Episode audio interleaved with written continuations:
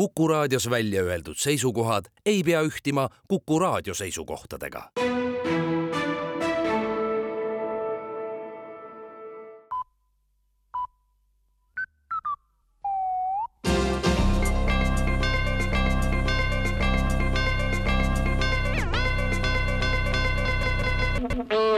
uudised on eetris ja stuudios Rohke Develak valitsus tegi eile ettepaneku muuta korda, mille kohaselt ei maksta inimesele kinni esimesi haiguspäevi. kuna see on kaasa toonud olukorra, kus inimesed käivad haigetena tööl, otsustas valitsus seaduses teha paranduse, mille kohaselt ei maksta inimesele siis, kui ta peale haigusperioodi taas tööle tuleb, kolme esimese tööpäeva eest töötasu. kui inimene on haigena tööl käinud ja sellepärast veel päris haigeks jäänud ja kodus olnud, siis ei ole ju võimalik, et ta kohe tööle tagasi tulles on täies jõus ja vormis ja võimeline oma töökohuseid sajaprotsendiliselt täitma kolm esimest haigusjärgselt tööpäeva, seega oleks tööandjal võimalik töötasu maksmisest loobuda, sest töötaja panus ei ole veel see, mis peaks.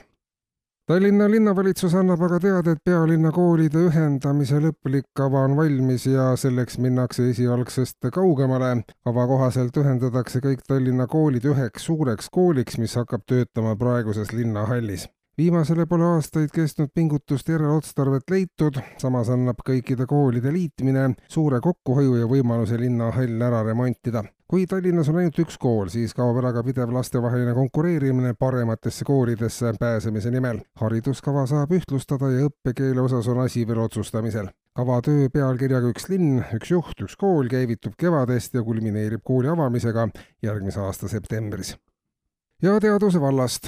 rühm Ameerika ornitolooge annab teada, et kahjuks vastavad tõele kartused, et välja surnud liikide hulka võib nüüd lisada ka punnokktünniku. Selle linnu vaatlus ei ole enam kui kolm aastat kestnud uuringuperioodi jooksul registreeritud mitte üheski maailma piirkonnas teadlaste sõnul teeb punnokktünniku väljasuremine võimatuks ka tema üksikasjaliku uurimise, sest linnust ei ole leitud kunagi mitte ühtegi fossiili. seega pole teadlastel õrna ettekujutust, milline ta üldse välja nägi. tõenäoliselt ongi punnokktünnik üldse kõige kurvema saatusega linnuliik, kellele on vahele jäänud kõik olulised arenguetapid nagu tekkimine, arenemine, õitseaeg ja väljasuremine spordist.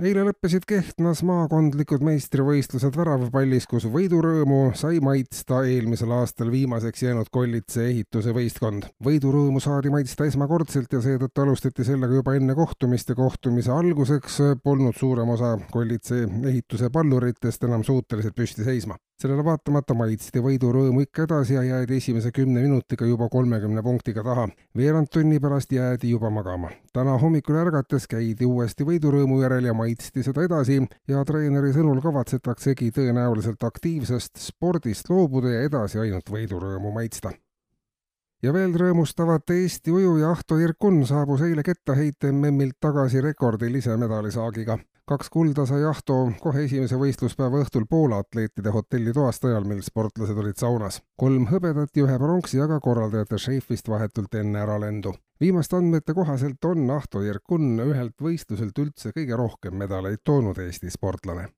kuulsite uudiseid